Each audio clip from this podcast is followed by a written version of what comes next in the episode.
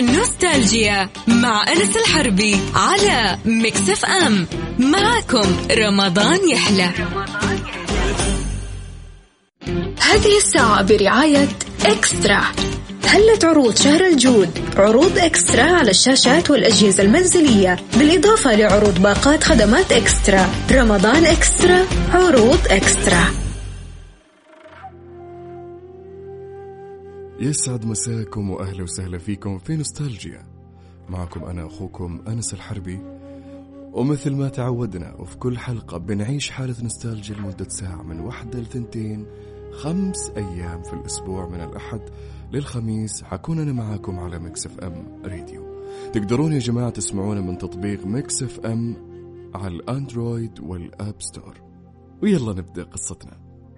أمس تكلمنا عن حياة عبد الرحمن الداخل وإيش صار له وكيف بدأ من الصفر وكيف رجع آه، خلافة الدولة الأموية بعد ما انتزعها العباسيين من أجداده.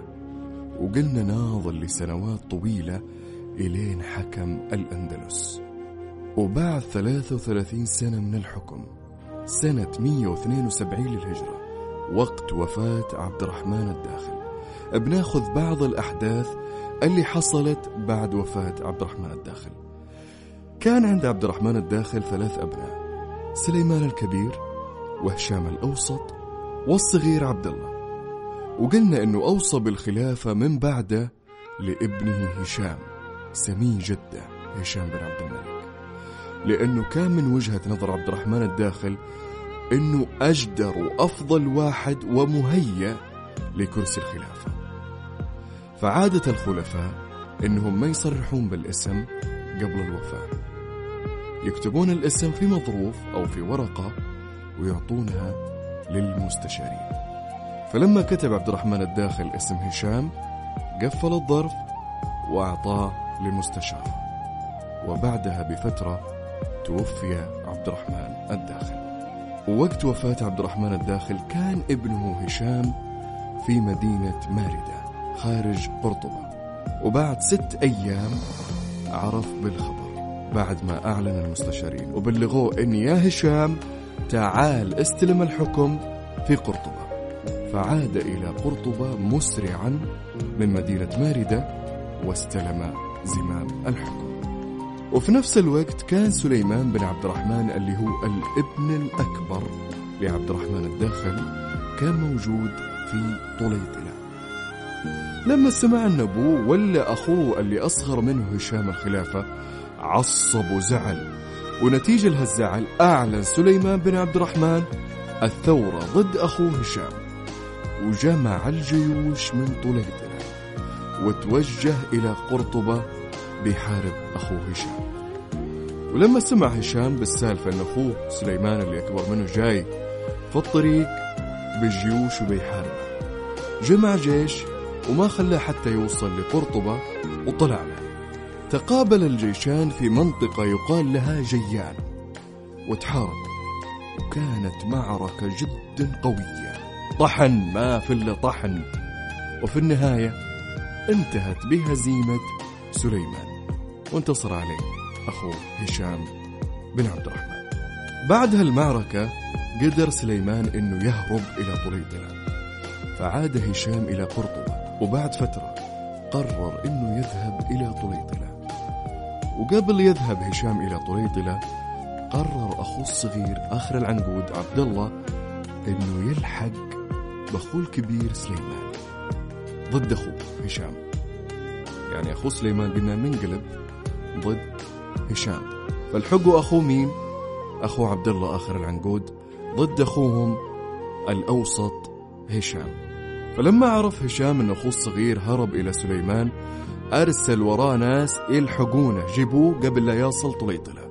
لكنهم ما قدروا فوصل عبد الله إلى أخوه سليمان. وانضم له قلنا ضد أخوه هشام. بعدها خرج هشام بن عبد الرحمن بجيوش إلى طليطلة. ولما وصل هناك حصرها. وأثناء الحصار قدر سليمان أخوه الكبير أنه يهرب من طليطلة ويتوجه وين؟ إلى قرطبة اللي كان فيها هشام اللي فيها قصر الخلافة عشان يستولي عليها في غياب أخوه أو في غفلة عن أخوه منه حاصر طليطلة. لكن من راح هناك سليمان أهل قرطبة حاربوه ومنعوه من أنه يستولي على الخلافة. فمن شاف سليمان يعني أهل قرطبة حابين أخوه. هشام والكل حاربه قرر أنه يروح لمدينة ماردة. مدينة هي قريبة من قرطبة. عشان يكون له جيش يعني يروح هناك ويرسل ناس ويجيب تعالوا انضموا لي أنا الولد الأكبر ومن هالسوالف عشان في نيته أنه يرجع ويستولي على الخلافة. لكن من راح ماردة أهل ماردة حاربوه.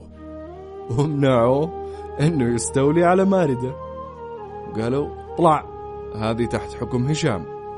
فقرر سليمان أنه يهرب إلى مدينة مرسية ومن مرسية إلى بلانسيا. ووصل الخبر لأخوه هشام بتوجهات سليمان وإنه ما هو في طليطلة فراح يطرد وراه بالجيوش. يطرد يطرد يطرد إلين استسلم سليمان وطلب الأمان من أخوه هشام. فهشام بن عبد الرحمن أعطى سليمان الأمان ومن أعطى سليمان قال يلا خذ معك عبد الله وسافروا إلى الشمال الأفريقي لا عاد ترجعون زي النفي نفاهم. فنفذوا طلبه وابتعدوا عن الأندلس. نروح الفاصل يا جماعة ونكمل لكم بعد الفاصل الأحداث اللي حصلت بعد وفاة عبد الرحمن الداخل والصار من حكم هشام الأندلس. خليكم ويانا.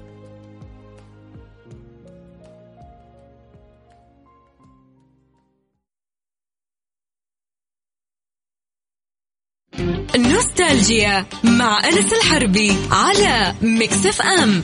معكم رمضان يحلى.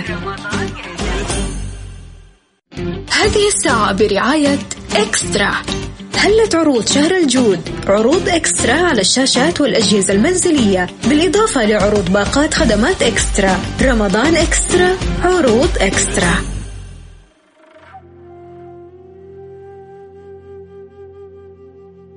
ورجعنا لكم بعد الفاصل وأهلا وسهلا فيكم في نوستالجيا. قلنا اليوم آه القصة هي أحداث. لأبناء عبد الرحمن الداخل وما حصل بعد وفاة عبد الرحمن الداخل بما إن أمس تكلمنا عن هالشخصية العظيمة. نكمل. قلنا أن عبد الرحمن الداخل وصى بالخلافة الابن الأوسط هشام. فالأخوان الكبير والصغير ما رضوا فحاولوا أنهم يحاربون ويقيمون الثورات عليه لكن ما نجحوا راحوا من مدينة لمدينة ويبون يجمعون جيوش لكن الله ما راد. وآخر شيء قبض عليهم أخوهم هشام وطلبوا منه الأمان فنفاهم إلى الشمال الأفريقي. وبعد ما استقر الوضع في الأندلس بدأ هشام يهتم في العلم والعلماء وتكثيف دراسة اللغة العربية. واهتم أيضا في العمران. وقدر هشام أنه يكمل بناءات الأندلس ويكمل الحاجات اللي سابها له أبو عبد الرحمن الداخل ووقت حكم هشام بن عبد الرحمن كان في تهديدات من الحملات النصرانية على حدود الأندلس. فقام هشام وأخذ جيوشه وقدر أنه يسيطر على كل هالتهديدات وينهيها ويبعدها ويحمي الأندلس. وأهل الأندلس. وبعدها هدأت واستقرت الأوضاع في زمن هشام بن عبد الرحمن. وعاش الناس بهدوء وأمان ورخاء وما كانت هناك أحداث كبيرة أبدا حصلت في وقت هشام بن عبد الرحمن. واستمر حكم هشام بن عبد الرحمن مدة سبع سنوات. وفي سنة 180 للهجرة. توفي هشام بن عبد الرحمن. وكان عمره لا يتجاوز التسعة وثلاثين سنة. واستلم الحكم مباشرة في نفس السنة اللي هي سنة 180 ابنه من بعده الحكم ابن هشام. كان الحكم ابن هشام مختلف تماما عن أبوه هشام وجده عبد الرحمن الداخل في الحكم أو في سياسة الحكم. كان رجل يذكر التاريخ أنه بارد وقاسي جدا قلبه ما فيه شيء من الرحمة وكان ما يتعامل أبدا إلا بالسيف. وذكر المؤرخين أنه كان شخص ما عنده أبدا أي أخلاقيات المسلمين والإسلام وفرض ضرائب على أهل الأندلس. فكرهوا أهل الأندلس. ورغم هالكره استمر الحكم في معاملة أهل الأندلس باحتقار ودائما يستفزهم بقراراته كل شوي إلين خلاص ما عاد يبونه ولا يبون يسمعون حتى اسمه. حتى جاء يوم من الأيام وصار موقف كان في جماعات في الأندلس يسمونهم أهل الربط ذول كان عندهم مجموعة كبيرة وكان عندهم قوة. وفي يوم من الأيام جاء مملوك من مماليك الخليفة الحكم بن هشام. واختلف مع واحد منهم وقام المملوك وقتله مباشرة. وكان الحكم بن هشام قبل قتل كثير من رجال الأندلس وقتل أيضا كثير من رجال أهل الربط وبعد هالموقف اللي صار مع المملوك وقتله الواحد منهم ثار أهل الربط على الحكم بن هشام. وحاصروا قصره.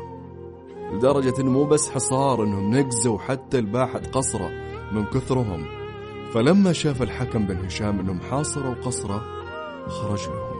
وصارت معارك عنيفة جدا جدا بين جيوش الحكم بن هشام وأهل الربث في النهاية انتصر الحكم ابن هشام على أهل الربث وبعد ما انتصر عليهم وش سوى؟ تخيلوا. قرر إنه يحرقهم في بيوتهم ويصلب رؤوسهم ويعلقها في شوارع قرطبة. وبعد هالحادثة خرابت خلاص العلاقة ما بين الشعب والخليفة الحكم بن هشام. كمان يذكر التاريخ أن الحكم بن هشام ذبح اثنين من أعمامه. ذبحهم مين؟ اللي هم سليمان وعبد الله. ذبحهم قتلهم وصلبهم. يرسل رسالة للناس أن نشوف ذولي عمامي إخوان أبوي ما فكرت فيهم. فانتبهوا لأنفسكم يا أهل الأندلس. كان يعني شخصية جدا ما فيها أي رحمة. والتاريخ يعني مهما حاولنا آه، أو لفينا في كتب التاريخ زي البداية والنهاية وغيرها إنه كان جدا شخصية يعني ما تدري هل أنت تحب هالشخص أو تكرهه. يعني أنت منك ترجع لسيكولوجية هالشخص تحس أنه حاكم يعني جاد. كانوا النصارى يخافون منه لكنه في نفس الوقت مو عامل حساب للناس اللي عنده. فقاعد يقول أنا يا أهل الأندلس أبيكم تحبوني بكيفي. واللي بيكرهني يخلي كراهيته داخله ويبين لي الحب. فكان دكتاتوري إنسان دكتاتوري ظالم جدا. نكمل وفي هالوقت والحكم ابن هشام منشغل بالحروب الداخلية بينه وبين شعبه استغل النصارى هالأحداث واخترقوا حدود الأندلس وتوجهوا إلى منطقة برشلونة. وقدروا النصارى إنهم يستولون على برشلونة ويسوون لهم أمارة هناك. وكل ذا كان بسبب الحكم ابن هشام فلما شاف إن الأمور قاعد تمشي ضده بدأ يراجع نفسه. وليه وليه وليه وليه وليه وليه وليه أنا ليه سويت كذا؟ فقام وأعلن اعتذاره للشعب وأظهر لهم إنه يا شعب الأندلس أنا الحكم ابن هشام نادم على كل حاجة سويتها وأعتذر. وبدأ الحكم يغير سياسته. ويقترب من الشعب ويهتم فيهم. وقام يرجع لهم حقوقهم شوي شوي. ويعوضهم ويكرمهم. عن الأشياء اللي ما أدري كيف أوصفها سواها فيهم. يعني في حاكم يقطع رؤوس ويصلبها في وسط الشوارع تصحى الناس تحصل الشوارع كلها رؤوس. يعني وصل في حد الإجرام شكل مو طبيعي. فبعد ما اعتذر يعني لسه باقي كراهية من أهل الأندلس في قلوبهم. يعني أنت ذبحت ناس أقاربهم أنت ما خليت حتى عمامك. هي الحكم بن هشام. قلنا بدأ يغير سياسته معهم وبدأ يكرمهم ويدلعهم ومن ذا الكلام يرجع لهم حقوقهم. وفي آخر سنتين من حكمه أصدر قرار بتعيين خليفة له بعد موته وكانت لابنه عبد الرحمن الثاني. توفي الحكم ابن هشام سنة 206 للهجرة. بعد 26 سنة من الحكم. يعني أغلب المؤرخين اختلفوا في الحكم ابن هشام. أنه شخصية ما تدري هل أنت تحبها في التاريخ أو أنك تكرهها. لكنه سوى إنجازات كبيرة للمسلمين وانتصارات على النصارى. وسوى أشياء جدا كثير لكنه كان صارم جدا بشكل ديكتاتوري. يعني أنت لا تناقشني أنا ما أغلط. واللي يبي يقرأ عن قصة الحكم بن هشام يدور في كتب مثلا زي كتب البداية والنهاية فيحصل تفاصيل أكثر للي سواه واللي صار واللي فعله الحكم أبن هشام. وتوفي الحكم أبن هشام سنة 206 للهجرة. بعد 26 سنة قلنا من الحكم واستلم الخلافة من بعده ابنه عبد الرحمن الثاني. نروح الفاصل ونكمل معاكم وش صار. هالحلقة مختلفة تماما. يعني قاعدين ناخذ أحداث وحكام وخلفاء بشكل أسرع. آه، لأنه أنا أمس قلت لكم وعدتكم أني بنتكلم عن الأحداث اللي حصلت ما بعد عبد الرحمن الداخل وكيف كانت الدولة الأموية وكيف قامت. فبعد الفاصل حنكمل لكم باقي الأحداث اللي حصلت ما بعد وفاة عبد الرحمن الداخل. خليكم ويانا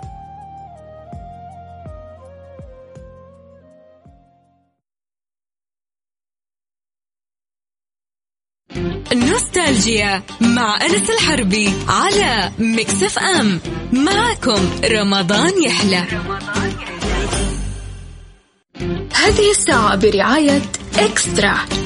هلت عروض شهر الجود. عروض إكسترا على الشاشات والأجهزة المنزلية. بالإضافة لعروض باقات خدمات إكسترا. رمضان إكسترا عروض إكسترا.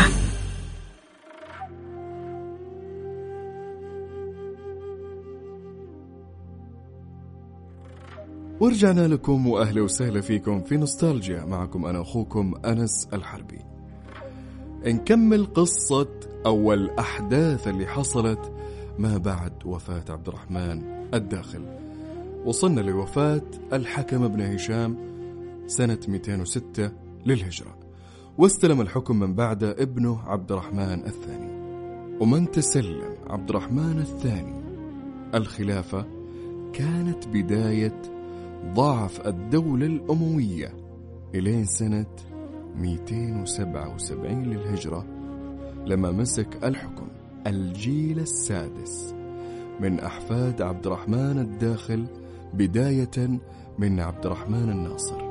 كان عبد الرحمن الناصر سياسي وداهية عظيم ومسك الدولة وكانت في حالة جدا ضعيفة وبداية انهيار وما كان تحت إيده إلا مدينة قرطبة وقرى صغيرة جدا حولها. أما باقي المناطق فكانت خارج نطاق دولة الأندلس. وسيطر عليها حكام ثانيين. ولما شاف إن الأمور وصلت لهالمرحلة السيئة أصدر قراره الأول اللي هو عزل الناس الفاسدة تحته من وزراء ومستشارين وقادة وعين دماء جديدة أو أشخاص جدد. يثق فيهم عبد الرحمن الناصر. وبعد ما انتهى عبد الرحمن الناصر من ترتيب الأوضاع الداخلية للدولة حط عينه على الجيش. وبدأ يجهزهم. ولما انتهى من تجهيزهم بدأ يرسلهم في مجموعات للثوار اللي خربوا الأندلس وأضعفوها واللي عينوا أنفسهم حكام على بعض المدن في الدولة. فراح وقتل قادة هالثورات وأنهاهم إلا واحدة وكان يا جماعة بعد ما ينتهي من قتل هالقادة ياخذ روسهم ويعلقهم في شوارع قرطبة وبقي مثل ما قلنا ثورة واحدة كانت كبيرة جدا هالثورة وتحتاج قوة أكبر من اللي كان يقودها عبد الرحمن الناصر. فجهز الجيوش وضبط العتاد عشان يروح ال هالثورة الكبيرة. وكان يقودها الثورة واحد اسمه صمويل بن حفصون. صمويل بن حفصون هذا شخص مسلم أو كان مسلم. وارتد عن الإسلام وأعلن ثورته ضد عبد الرحمن الناصر.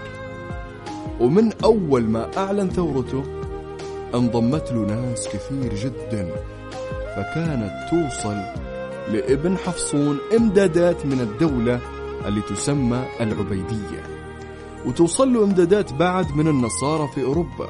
هالرجل كان قوي ومسنود ومدعوم من كذا دولة.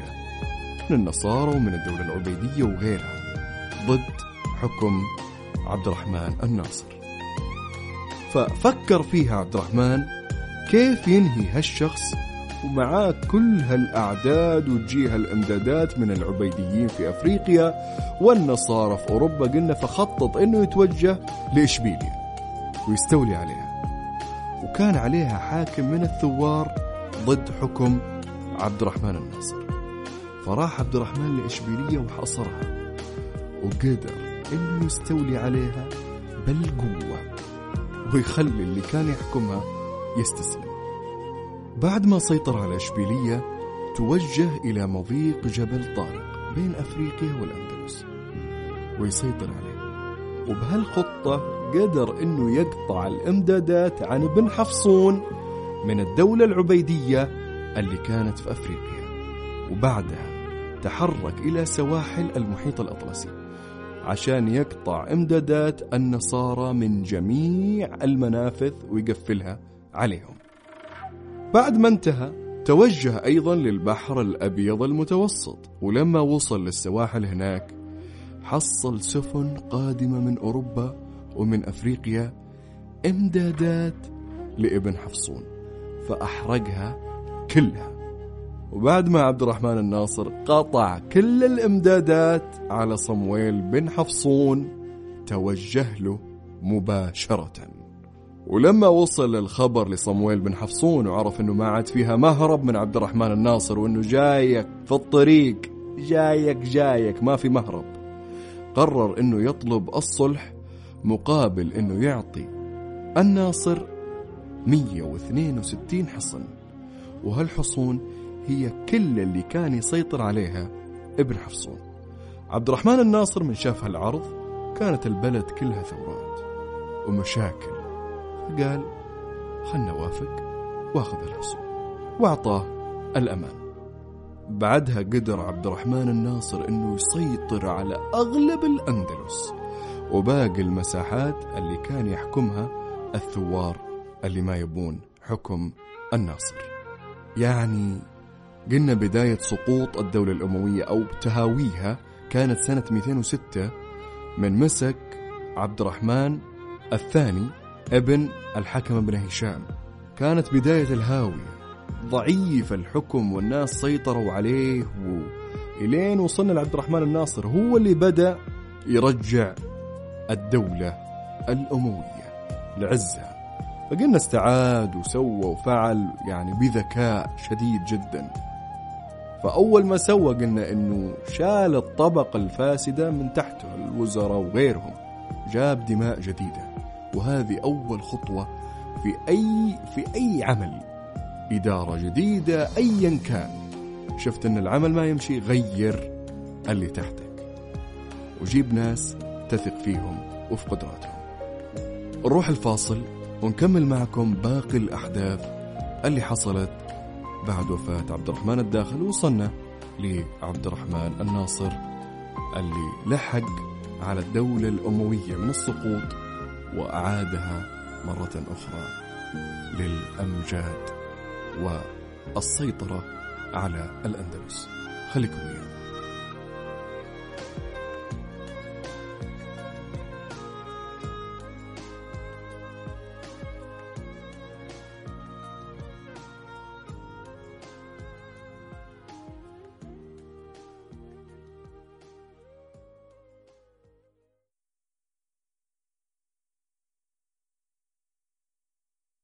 نوستالجيا مع أنس الحربي على ميكس اف ام معكم رمضان يحلى. هذه الساعة برعاية إكسترا. هلت عروض شهر الجود عروض إكسترا على الشاشات والأجهزة المنزلية؟ بالإضافة لعروض باقات خدمات إكسترا. رمضان إكسترا عروض إكسترا.